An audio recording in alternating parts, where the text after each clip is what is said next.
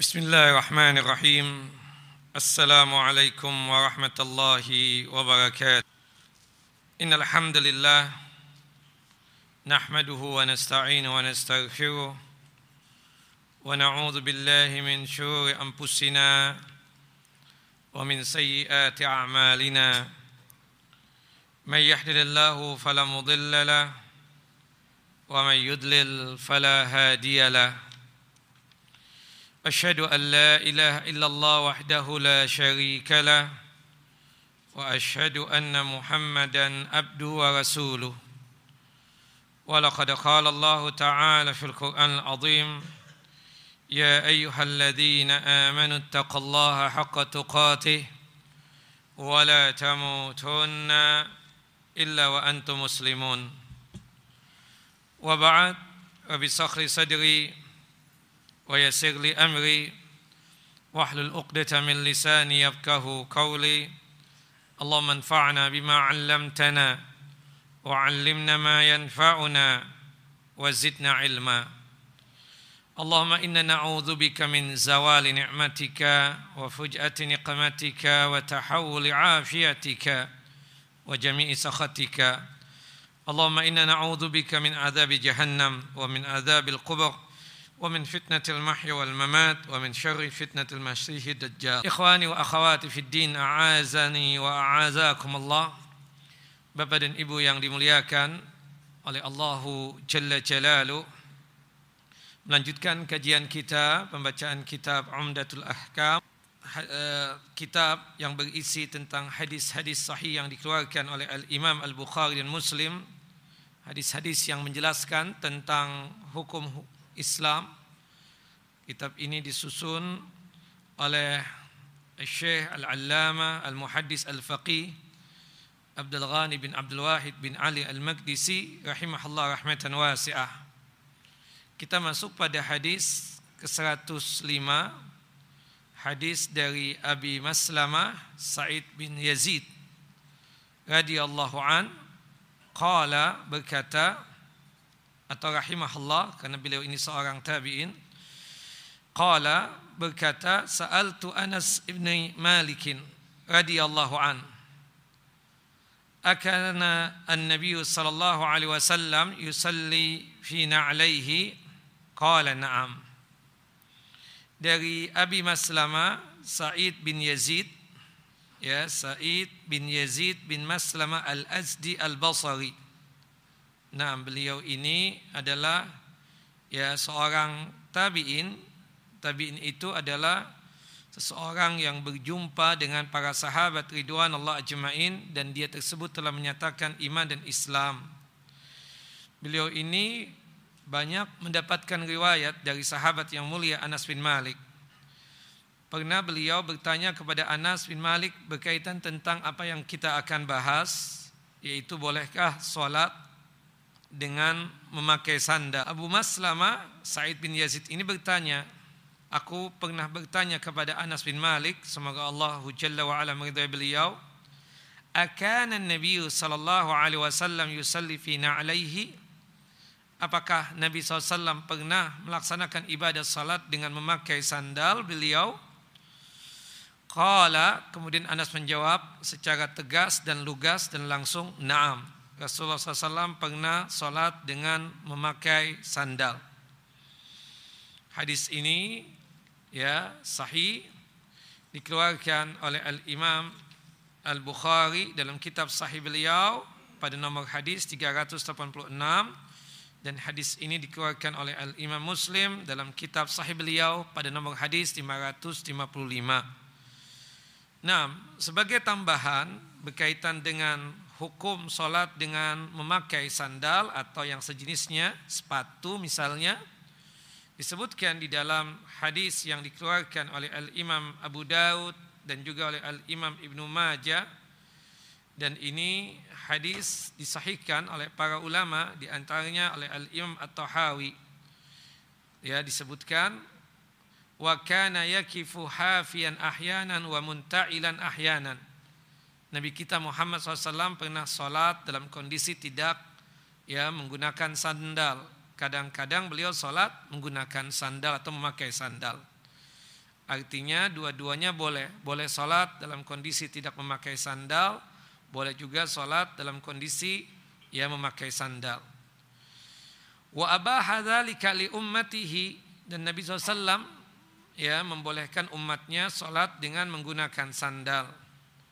Faqala sallallahu alaihi wasallam Rasulullah SAW bersabda Idza shalla ahadukum falyalbas na'alaihi aw liyakhla'huma baina rijlaihi wala yu'dhi bihima ghairahu. Jika salah seorang melaksanakan ibadah salat, maka hendaknya dia memakai sandal atau melepas keduanya. Nah, dan janganlah dia mengganggu ya ketika dia salat tersebut ya dengan menggunakan apa mengganggu orang lain dengan menggunakan sandal tersebut. Maksudnya artinya jika sekiranya dengan dia menggunakan sandal tersebut mengakibatkan orang lain terganggu maka lebih bagus dia tidak memakai sandal. Wa akkada alaihi salatu wassalam fihi ma ahyanan.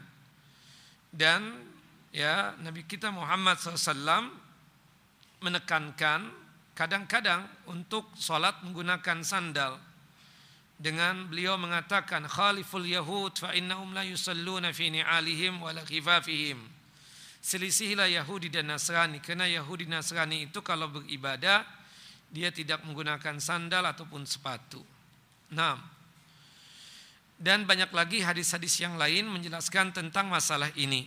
Di antaranya dalam hadis Abu Sa'id Al-Khudri radhiyallahu an, semoga Allah Jalla wa ala meridai beliau, Shalla bina Rasulullah SAW zata yaumin.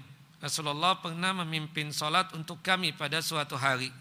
Ya pada suatu hari Nabi kita Muhammad SAW ya memimpin solat untuk kami menjadi imam solat disebutkan dalam hadis kejadian ini kejadiannya ini di solat zuhur falamma kana fi ba'dhi salatihi ketika beliau sudah melaksanakan beberapa rakaat dari salat zuhur tersebut tepatnya di rakaat yang kedua rakaat pertama rakaat yang kedua kemudian naik untuk rakaat yang ketiga khala'ana alaihi fawada'ahuma an yasarihi. Rasulullah melepas sandal beliau dan meletakkan keduanya di samping kiri dari beliau. Nah, falamma ra'an nasu dzalika khala'ani alahum melihat Nabi Muhammad SAW melepas sandal, para sahabat ridwan Allah ajmain juga ikut melepas sandal.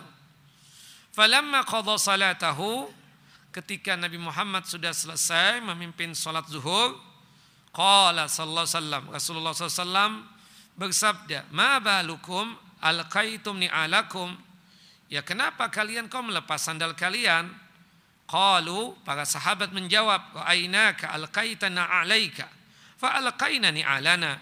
Kami melihat antum ya Rasulullah melepas sandal, maka kami pun juga melepas sandal. Jangan-jangan ini syariat baru ya dan ini saking taatnya para sahabat Ridwan Allah ajmain, apa yang dilakukan oleh Nabi SAW itu pula yang dilakukan oleh para sahabat Ridwan Allah ajmain. Ketika di dalam salat Nabi melepas sandal, para sahabat pun juga melepas sandal. Faqala Rasulullah kemudian Rasulullah bersabda, Inna Jibril atani fa akhbarani anna fiha. Anna fiha Tadi Jibril datang kepadaku dan menginfokan bahwasannya di sandalku itu ada kotoran, ada adza, ada najis. Ya. Fa'alqaituhuma, makanya aku lepas ya kedua sandal apa? Aku lepas sandalku tersebut.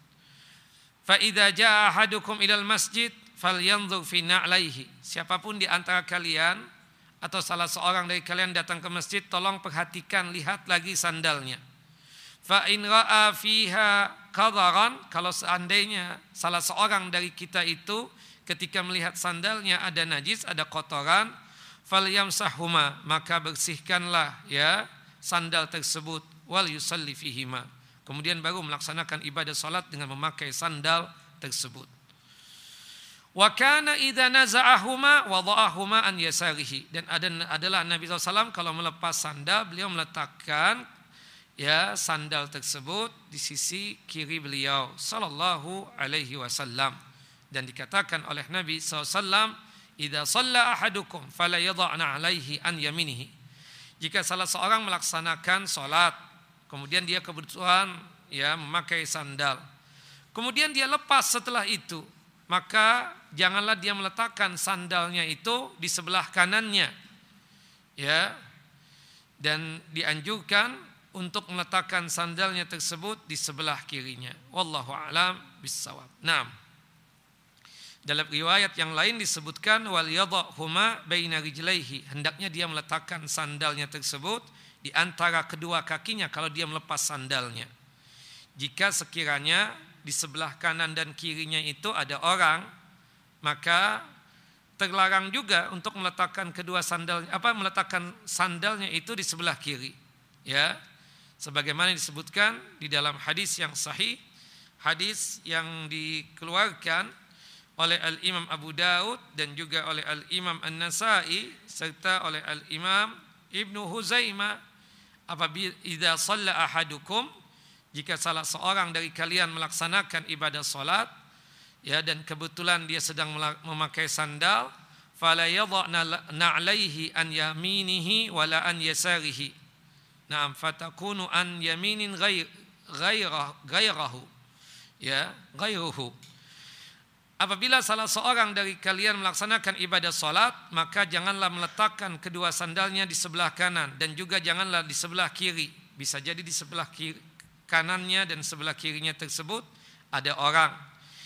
Ya, illa alla yakuna an yasari ahadun kecuali kalau di sebelahnya itu tidak ada orang, maka tidak mengapa meletakkan sandalnya itu di sebelah kirinya. Ya, kalau sekiranya ada orang yadhuma baina rijlaihi, tapi letakkanlah sandalnya itu di antara kedua kakinya. Wallahu alam. Nah, ini beberapa hadis yang meletakkan apa yang menjelaskan tentang masalah bolehnya kita memakai sandal. Nah, disebutkan oleh para ulama di sini dengan menggarisbawahi bahwasannya sepakat ya para sahabat ridwan Allah ajmain tabi'in dan juga para ulama tentang disyariatkannya ya memakai sandal ketika sholat dan tidak ada khilaf, tidak ada perselisihan di kalangan para ulama dalam hal bolehnya sholat dengan menggunakan atau memakai sandal. Cuma itu jika sekiranya sholatnya langsung di tanah, tidak ada tikar, tidak ada sajadah, tidak ada karpet. Amma idza kanatil masajidu mabhusyatan apabila di masjid-masjid tersebut ada permadani, ada karpet, ada sajadah, kama an sebagaimana kondisi kita sekarang ini, fa inna la yusalli bin ni'al, maka janganlah di antara kita ini salat dengan memakai sandal. Jadi sandal yang kita bawa ya dari rumah kemudian untuk menjaga kaki kita agar tidak sampai terganggu kedua kaki kita entah oleh duri atau benda-benda tajam lainnya atau beling misalnya. Nah, hendaknya sandal itu nanti sebelum masuk ke masjid dia lepas. Jangan sampai dia bawa ke dalam masjid. Kenapa? Karena kondisi masjid ini dalam kondisi yang sifatnya tersebut ada karpet, ada sajadah dan kebiasaan Nabi SAW kalau Nabi Muhammad itu sholat di atas tikar atau di atas sajadah beliau itu melepas sandal beliau. Naam. Kenapa kok tidak boleh? Dikarenakan ya masjid-masjid tersebut ya yang menggunakan karpet dan sajadah sebagaimana yang kita lihat sekarang ini khawatirnya sandal yang kita bawa masuk itu membawa kotoran atau membawa najis dan itu berpengaruh dengan kondisi karpet kita tersebut entah dalam masalah ya berubah warnanya dalam artian terganggu ya karpet tersebut atau kena itu kotoran maka menimbulkan bau. Maka oleh sebab itu ketika kita masuk ke dalam masjid lepaslah sandal kita. Nah, kemudian selanjutnya ya berkaitan dengan tidak bolehnya annal ghalib ala nas al ghafla ala inayah bini alihim hina yadkhuluna al masjid dan rata-rata kondisi kita ya ketika masuk ke masjid itu lalai untuk menjaga keadaan sandal kita. Apakah ada kotoran ataukah tidak, apakah ada najis ataukah tidak.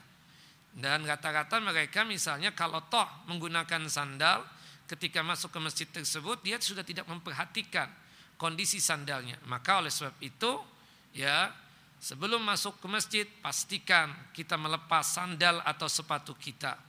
La siyama idza tadu dukhula al masajida biha. Fa innahu ma'atul zaman tudha'ifu inayatahum biha. Apalagi kalau itu sandal ya menjadi kebiasaan dia dia pakai misalnya. Dan pada saat dia tersebut misalnya terbiasa masuk ke masjid memakai itu sandal karena waktunya lama ya kan? Maka dia tersebut sudah tidak memperhatikan lagi tentang keadaan sandal dia tersebut. Apakah ada kotoran ataukah tidak apakah ada najis ataukah tidak. Nah kemudian ya dengan kita tersebut ya melakukan yang demikian termasuk sunnah juga. Karena kebiasaan Nabi kita Muhammad SAW kalau sholat di atas tikar atau sajadah beliau sholat tanpa menggunakan sandal. Nah, tapi kalau kita misalnya sholat langsung ya di tanah tanpa ada sajadah seperti misalnya sholat id ya sholat id itu kan sunnahnya di tanah lapang. Nah ketika kita ingin mempraktekkan dipersilakan ya disyariatkan malah ketika kita langsung sholatnya di atas tanah tanpa ada tikar, tanpa ada sajadah, kita sholat dengan memakai sepatu atau memakai sandal seperti itu. Nah tentang masalah disyariatkannya itu, itu sepakat para ulama sholat dengan menggunakan sandal. Tidak ada perbedaan ulama tentang bolehnya yang demikian. Tapi mereka itu berdebat apakah ini hukum sunnah ataukah hukum mubah. Yang jelas mereka itu berwanti-wanti kalau kita sholat di atas sajadah atau di atas karpet ya atau sholatnya di atas tikar maka hendaknya hafian kita lepas sandal kita tersebut artinya kita boleh memakai sandal atau sunnah memakai sandal ketika sholat ketika kondisi sholat kita langsung tanah atau langsung pasir. Wallahu alam bisawab. Nah, seperti itu penjelasan para ulama tentang masalah yang demikian. Artinya wanti-wanti saya kepada ikhwan, masjid ini kan dijaga, jangan sampai ada sesuatu yang kotor, terutama berkaitan tempat sujud. Ya, karpet ya yang kita gelar ini hendaknya kita jaga. Jangan sampai ada sesuatu yang kotor apalagi najis sehingga membuat tidak absahnya sholat kita. Karena kita tahu bahwasannya Nabi kita Muhammad SAW tadi ketika sholat zuhur pada saat itu beliau sholat menggunakan sandal di dalam masjid. Benar di dalam masjid. Tapi kondisi masjid beliau pada saat itu tidak ada karpet tidak ada sajadah.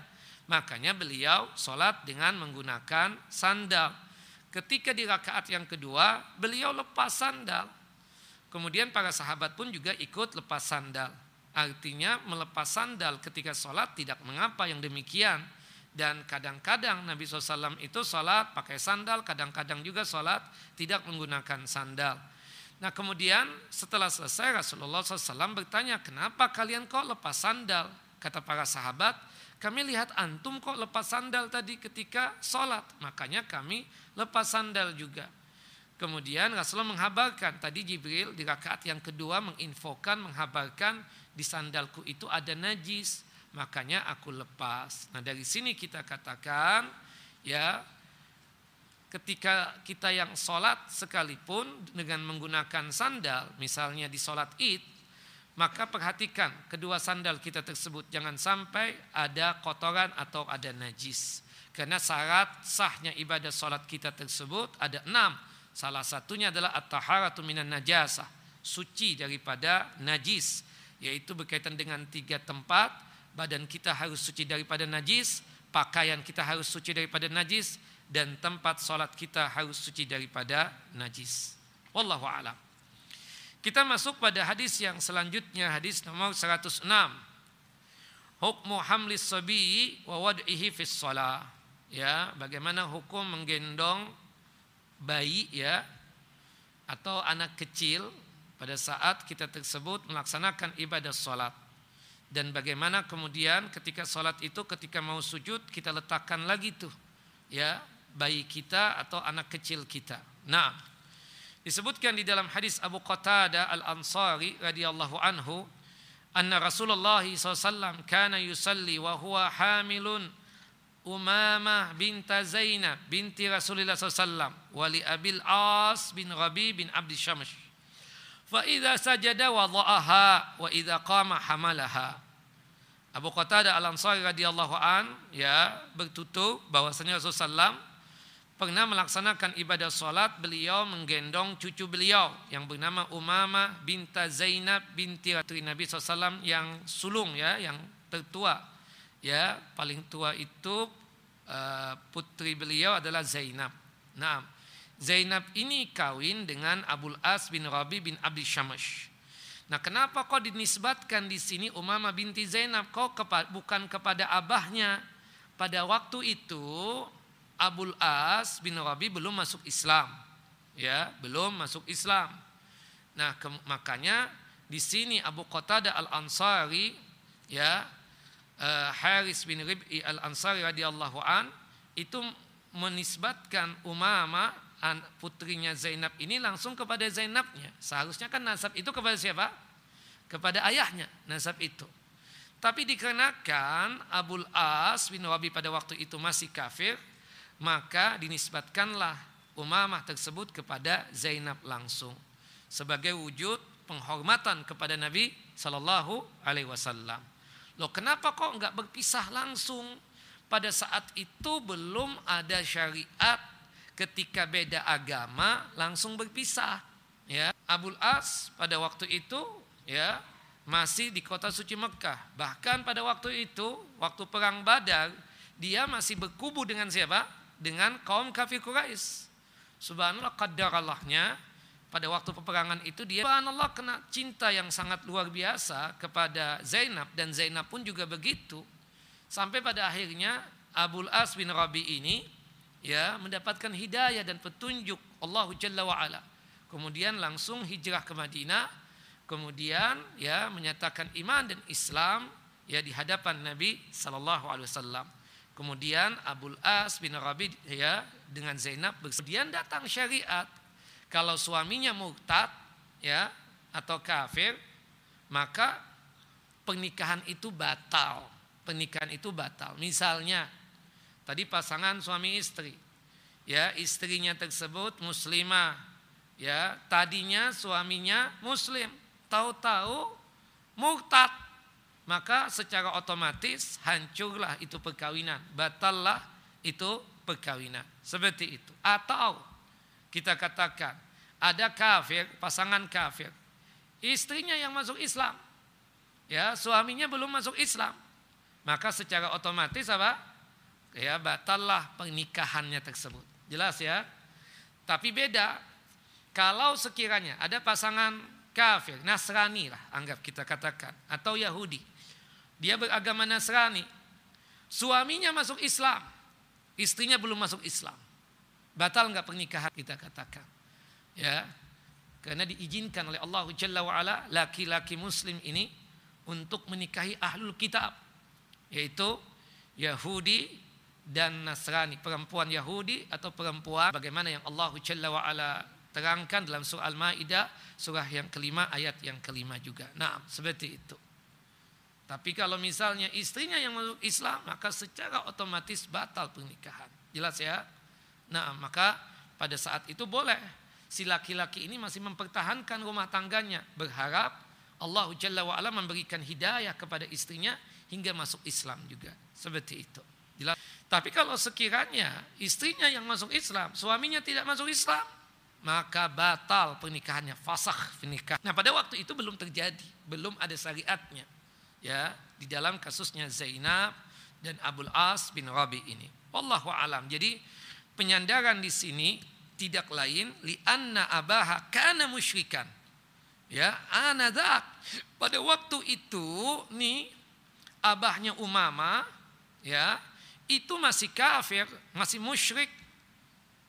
Wa Zainab kita tahu hiya ibnatu Rasulullah SAW kubra banatihi. Bahwasannya Zainab itu adalah putrinya Rasulullah SAW. Ya, putri sulungnya Nabi Sallallahu Alaihi Wasallam. Bahkan disebutkan Zainab ini putri yang pertamanya Nabi SAW. Anak pertamanya Nabi SAW. Akbaru awladihi. Jadi anak tertuanya Nabi SAW itu perempuan. Namanya siapa? Zainab. Nah, Kemudian selanjutnya Ikhwan wa akhawati fid a'azani wa a'azakumullah Bapak dan Ibu yang dimuliakan oleh Allah Jalla wa ala. Kemudian Umama ya putri daripada Zainab dan Abul As ini pernah dibawa oleh Nabi sallam ke masjid. Dan waktu itu masih bayi ya digendong oleh Nabi SAW ketika sholat. Ketika Nabi SAW sujud, Umama diletakkan ya di apa oleh Nabi SAW.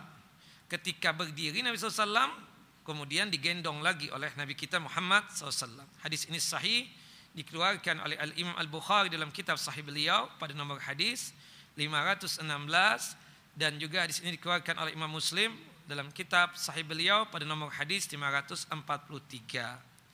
Naam. Dari hadis ini Bapak dan Ibu yang dimuliakan oleh Allahu Jalla wa ala ilmu yang bisa kita dapatkan yang pertama ya annal amala musyabaha li hadzal fi'li la yubtilus shalah. Ya kalau kita melakukan amalan yang serupa sebagaimana yang diperbuat oleh nabi yaitu menggendong bayi tidaklah membatalkan ibadah salat sawaun akanat faridah sawaun akanat faridatan am nafilatan. Baik itu salat wajib ataupun salat sunnah.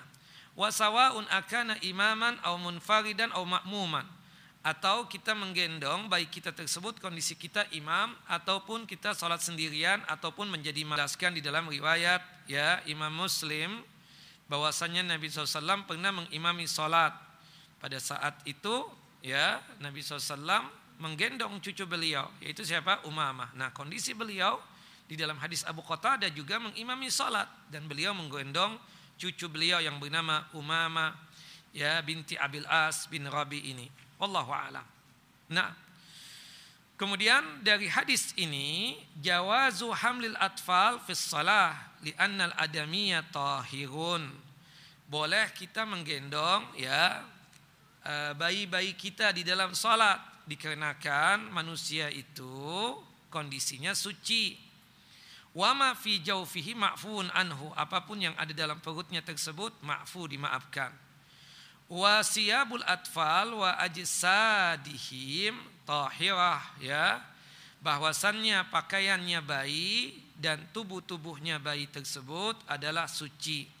Malam tatahaqqaq malam tatahaqqaq najasatuha selama tidak nampak najis yang ada pada bayi tersebut walau kana mahkuman binajasatiha lam yusalli an-nabi SAW wa huwa hamilu um, umama. Kalau sekiranya ya ternyata terhukumi najis maka niscaya Nabi SAW tidak bakalan menggendong umama. Nah di sini kita katakan kita punya bayi. Ya bolehkah kita menggendong bayi kita pada saat kita sholat? Kalau sekiranya antum hakul yakin bahwasanya bayi antum itu belum buang kotoran. Meskipun pakai pempas ya, pakai hafaldah itu dalam bahasa Arab hafaldah ya, pakai popok itu. Kalau antum yakin bahwasanya dia sudah mengeluarkan sesuatu dari kubul dan duburnya, maka antum tidak boleh menggendong dia. Kalau memang realitanya tuh anak mengeluarkan najis. Tidak dibolehkan seperti itu. Ya. Tapi kalau sekiranya ini baru dibersihkan oleh istri kita misalnya, baik kita tersebut sudah cebok apa semua, kemudian pakai popok yang baru. Kemudian kita ajak dia sholat, kita gendong. Kemudian ketika kita sujud dia letak, kita letakkan dia ya di samping kita atau di depan kita sujud misalnya. Ketika kita berdiri kita angkat, tidak mengapa yang demikian. Tapi kalau sekiranya kita hakul yakin nih bayi sudah mengeluarkan najis baik dari kubulnya, kencing misalnya dan keciuman banget itu bau pesingnya. Kemudian yang kedua keluar ya dia buang air besar misalnya dan kita pastikan bahwasannya itu memang sudah dia buang air besar misalnya dan keciuman itu baunya maka kita harus ya tanggalkan dulu tuh bayi. Jangan kita gendong-gendong ketika kita melaksanakan ibadah sholat. Dan itu memang berpengaruh. Antum tahu kalau misalnya menyengat banget baunya, itu membekas kadang di tubuh kita dan pakaian kita. Seperti itu. Nah ini yang diwanti-wanti dan dikatakan malam tata hakok najasatuha. Selama belum ada nampak yang muncul dari bayi tersebut ya sesuatu najis, maka monggo silahkan. Aslinya pakaiannya bayi, badannya bayi itu suci, bersih. Tapi kalau sekiranya kita katakan, kita hakul yakin, si bayi yang kita gendong ini atau entah itu anak atau cucu kita, ya itu mengeluarkan najis maka kita lepas. Wallahu alam bisawab. Nah, seperti itu.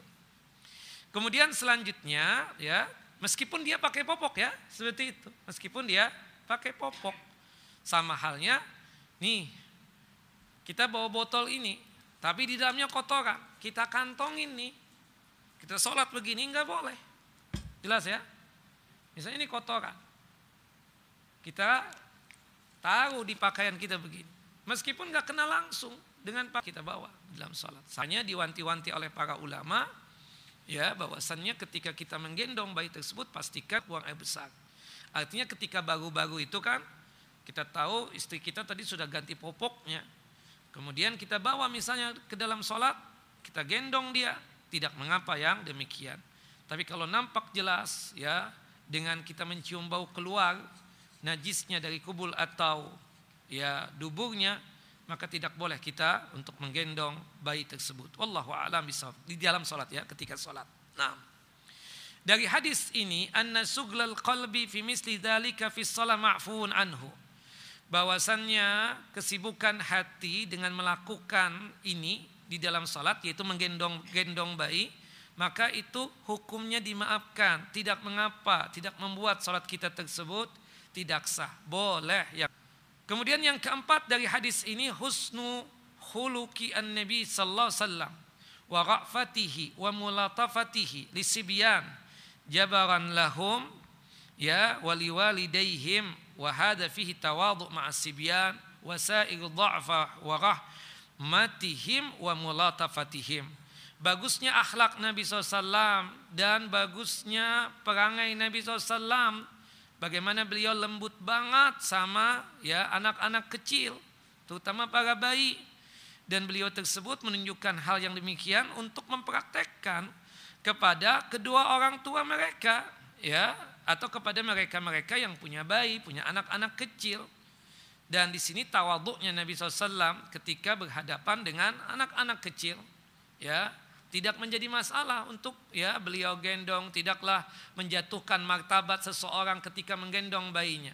Termasuk ustadz misalnya ketika ada tamu kebetulan dia nggak punya asisten rumah tangga untuk mengurusi bayinya istrinya sibuk di dapur untuk menyediakan makanan buat tamu ya teman kita yang hadir di rumah kemudian kita ambil kita gendong kita bawa-bawa di hadapan teman kita maka itu bukanlah sesuatu hal yang memalukan Sebagian kita ini kadang menganggap ini anak urusan istri deh.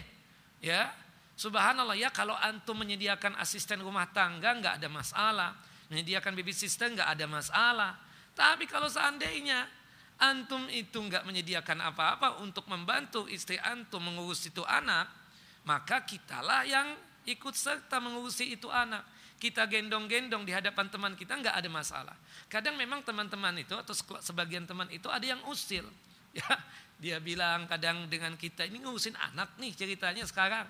Subhanallah. Nah kadang itu yang membuat kita itu ada rasa malu, jadi nggak enak hati ketika membawa anak kita tersebut ya di hadapan teman-teman kita. Wallahu alam. Ya padahal itu menunjukkan rasa kasih sayang kita kepada tuh anak kita tunjukkan ya. Subhanallah. Kadang nih ada sebagian orang start, anak sih kalau untuk anak kurang. Tapi untuk cucu kata dia luar biasa sekarang ini. Ada yang begitu modelnya. Ya istrinya ngomong, ini dulu waktu anaknya masih bayi nggak pernah gendong-gendong sama sekali. Tapi sekarang punya cucu, masya Allahnya luar biasa dia. Dia yang bawa ke mana-mana itu cucunya. Ada yang model begitu juga.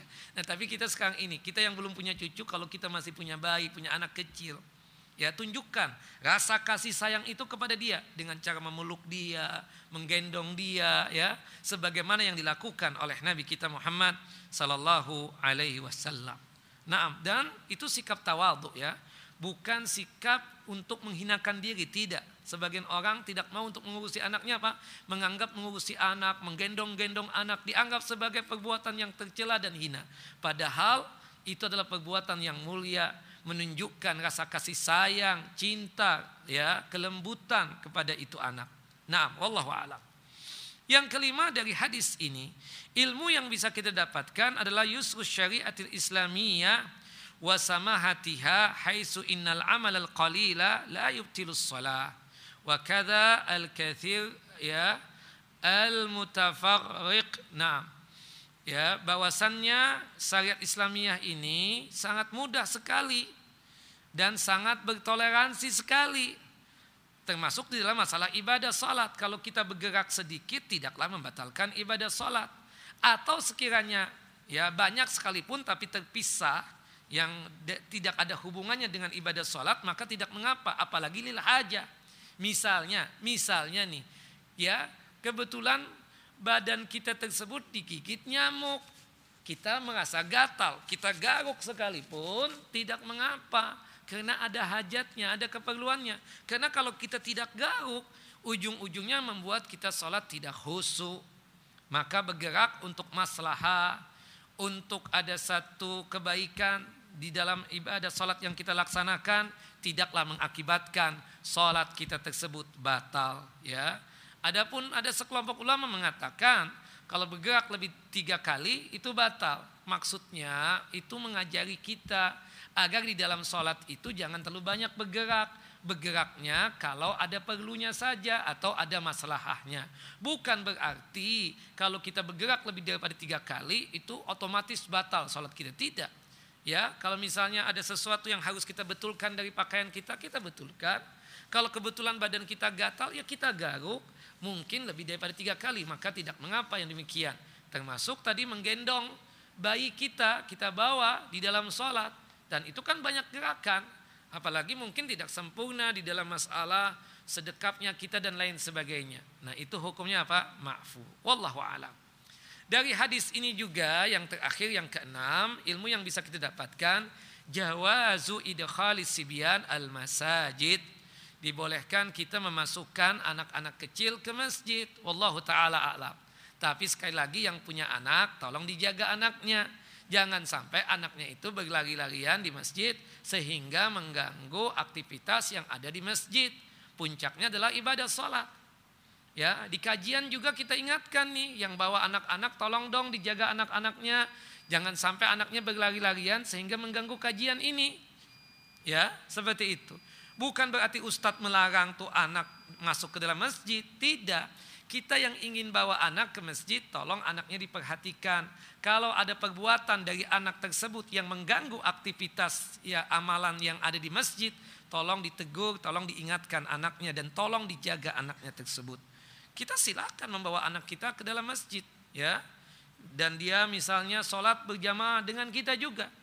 Tapi letakkan anak itu di samping kita Jangan kumpul dengan sohib-sohibnya, dengan teman-temannya. Biasanya tuh anak-anak kalau dikumpulkan satu dengan teman-temannya, nah itu bahayanya. Satu aja ribut tuh anak-anak yang lain ikut ribut juga. Nah maka oleh sebab itu masing-masing yang bawa anak, ya peganglah tuh anak bersama dia dan dudukkan dia bersama antum yang bawa anak tersebut atau berdirikan dia ketika sholat di samping antum ketika melaksanakan ibadah sholat.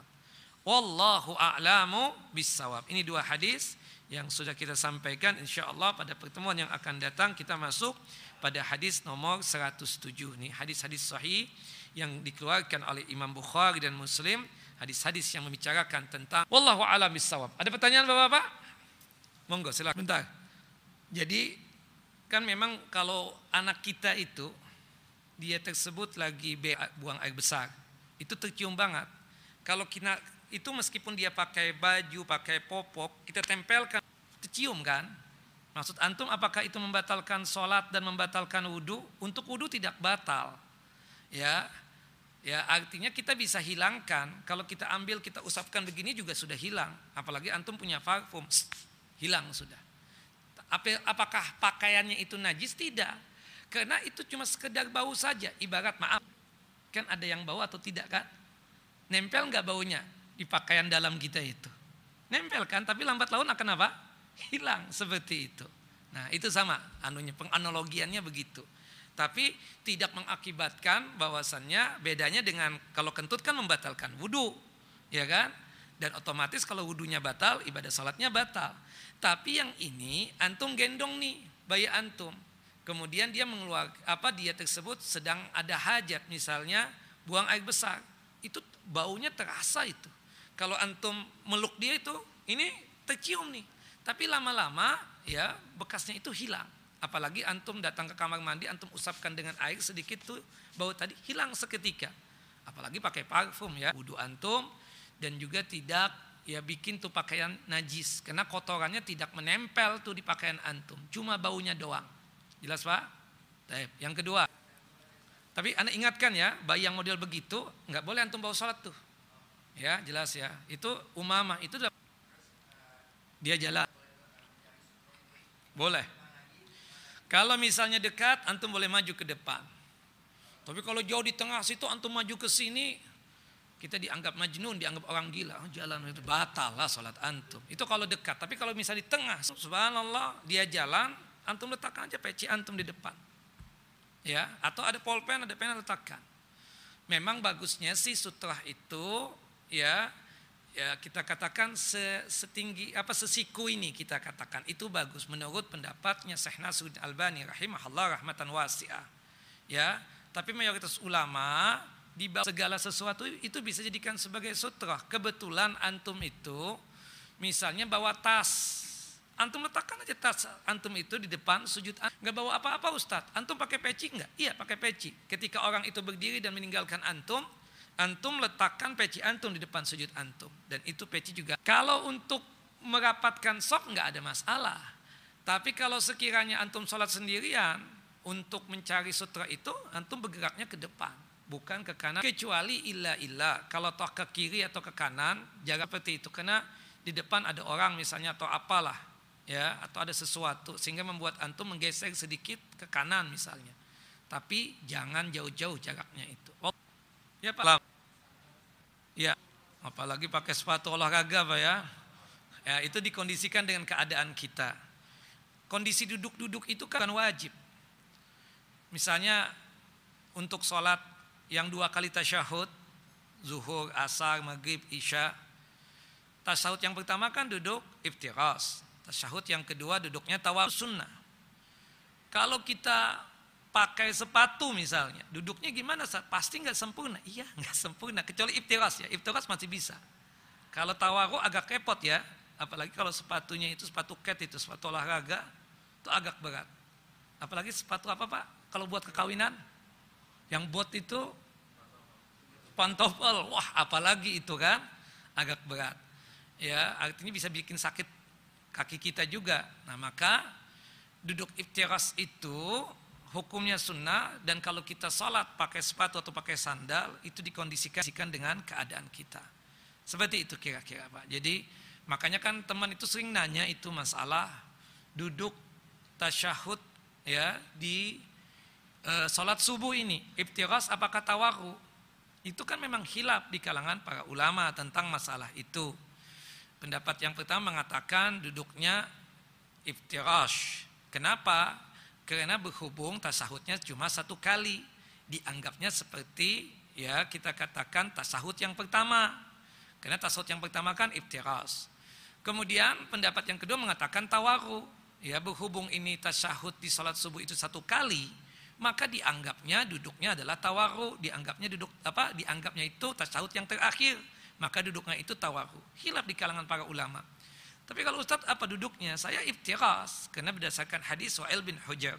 Tapi saya tidak ya berani untuk menyalahkan orang yang melakukan duduknya tawaru karena hal itu ada perbedaan pendapat di kalangan para ulama dan berkaitan dengan duduk-duduk itu hukumnya adalah sunnah bukan wajib. Makanya ketika start imam tawaru nih kita iftiras berkaitan dengan salat subuh ini gimana? Enggak ada masalah. Karena kita wajib untuk ikut imam itu berkaitan dengan amalan-amalan yang nampak. Seperti takbir ya, Allahu Akbar kita mengucapkan Allahu Akbar juga. Seperti ruku nampak, kita harus ruku sebagaimana imam. Kita harus ikut imam, tidak sujud, duduk di antara dua. Adapun berkaitan dengan duduknya itu terjadi perdebatan di kalangan para ulama. Dan kalau toh berbeda dengan imam, tawaru iftiras itu kita katakan maka tidak mengapa demikian. Termasuk orang yang masbuk. Start gimana nih? Ini salat zuhur. Ana baru tasyahud yang pertama. Sedangkan imam tasyahud yang terakhir. Imam tawaru, ana iftiras. Apakah duduknya iftiras, apakah tawaru? Nah itu pun juga perdebatan. Ada yang mengatakan harus duduk sama seperti imam. Berdasarkan hadis yang umum Hadis dari Anas bin Malik, hadis dari Ibunda Aisyah, hadis dari Abu Hurairah. Innama ju'ilal imamu liyu'tama bihi. Dijadikan imam untuk diikuti. Salah satunya berkaitan dengan masalah duduk tadi itu. Pendapat yang kedua mengatakan tidak. Berhubung kita baru tasyahud yang pertama, berarti kita duduknya ibtiras. Meskipun imam tawaru. Nah, tapi sekali lagi duduk-duduk itu hukumnya apa? Sunnah. Kalau misalnya kita salah dalam masalah duduk, tidaklah mengakibatkan kita tersebut tidak sah sholatnya. Apalagi kalau kita misalnya sholat id. Kebetulan kita ingin mempraktekkan sunnah yang satu ini. Yaitu kalau sholatnya langsung di tanah itu kan atau di pasir. Itu langsung dengan menggunakan sepatu atau sandal. Kita ingin di seumur hidup kita mempraktekkan itu. Monggo silakan Bapak. Kenapa? Kita berharap dari situ ridhonya Allah Jalla wa'ala. Tapi Ustadz anda punya sepatu-sepatu bot start. Itu kalau duduk kayaknya nggak mungkin iftiras, nggak mungkin apalagi tawaru. Maka kembalikan kepada firman Allah Jalla wa ala dalam surah At-Taghabun ayat yang ke-16, "Fattaqullaha mastata'tum." Bertakwalah kepada Allah Jalla wa ala sesuai dengan kemampuan antum dan kembalikan kepada firman Allah Jalla wa ala yang termaktub di dalam ayat yang terakhir surah Al-Baqarah ayat 286, "La yukallifullahu nafsan illa wus'aha." Seperti itu Pak kira-kira. Nah, ah, ya Pak, silakan. Silakan sebentar Pak. Ya. Ya, sutra itu wa, pendapat yang rajih dari khilafnya ulama, sutra itu wajib bagi imam dan bagi orang yang sholat sendirian. Pendapat yang rajih dari berbagai macam perdebatan di kalangan para ulama, bahwasanya sutra itu wajib bagi imam dan bagi orang yang sholat sendirian. Karena tujuan daripada sutra itu menghindari orang berdosa ketika melewati orang yang sholat. Adapun sutra untuk makmum diwakili oleh siapa?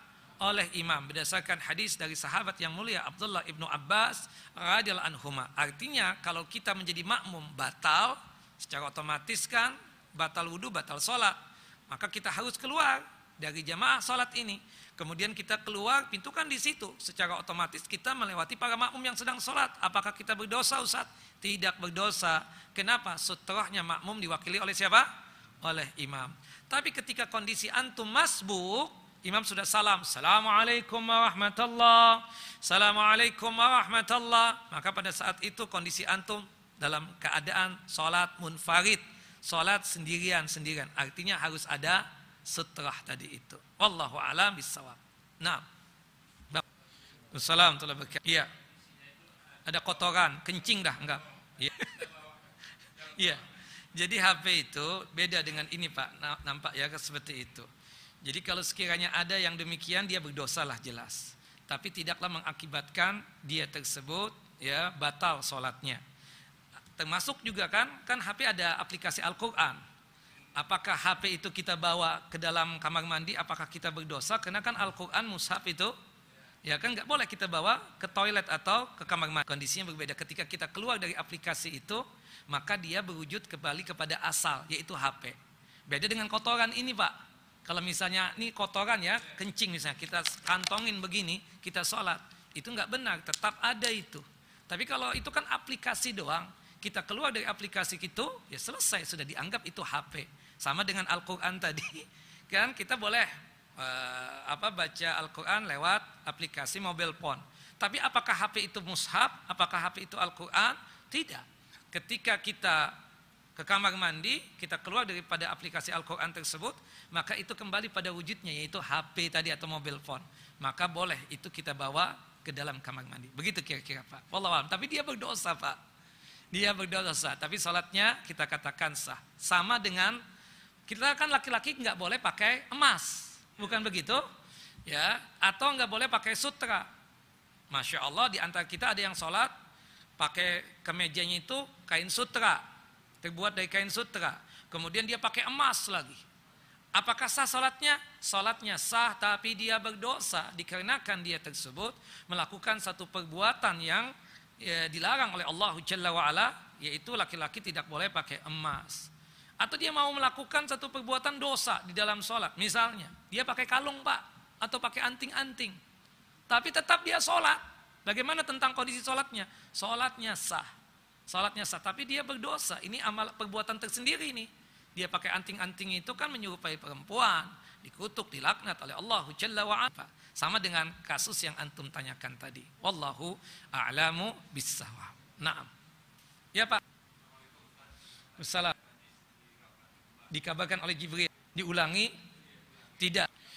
Jika Bapak tidak tahu pakaian Bapak ada najisnya Subhanallah antum tadi sebelum datang cucu antum subhanallah antum gendong-gendong tahu-tahu dia kencing di pakaian antum. Kita tahu kan kencingnya bayi hatta kencing bayi laki-laki itu najis cuma membersihkannya aja itu agak apa kita katakan agak gampangan kalau dia belum makan apa-apa. Makanannya cuma asi air susu ibu. Subhanallah antum serahkan sama ya istri antum atau apa untuk untuk membersihkan itu. Antum sibuk dengan yang lainnya nih. Antum lupa.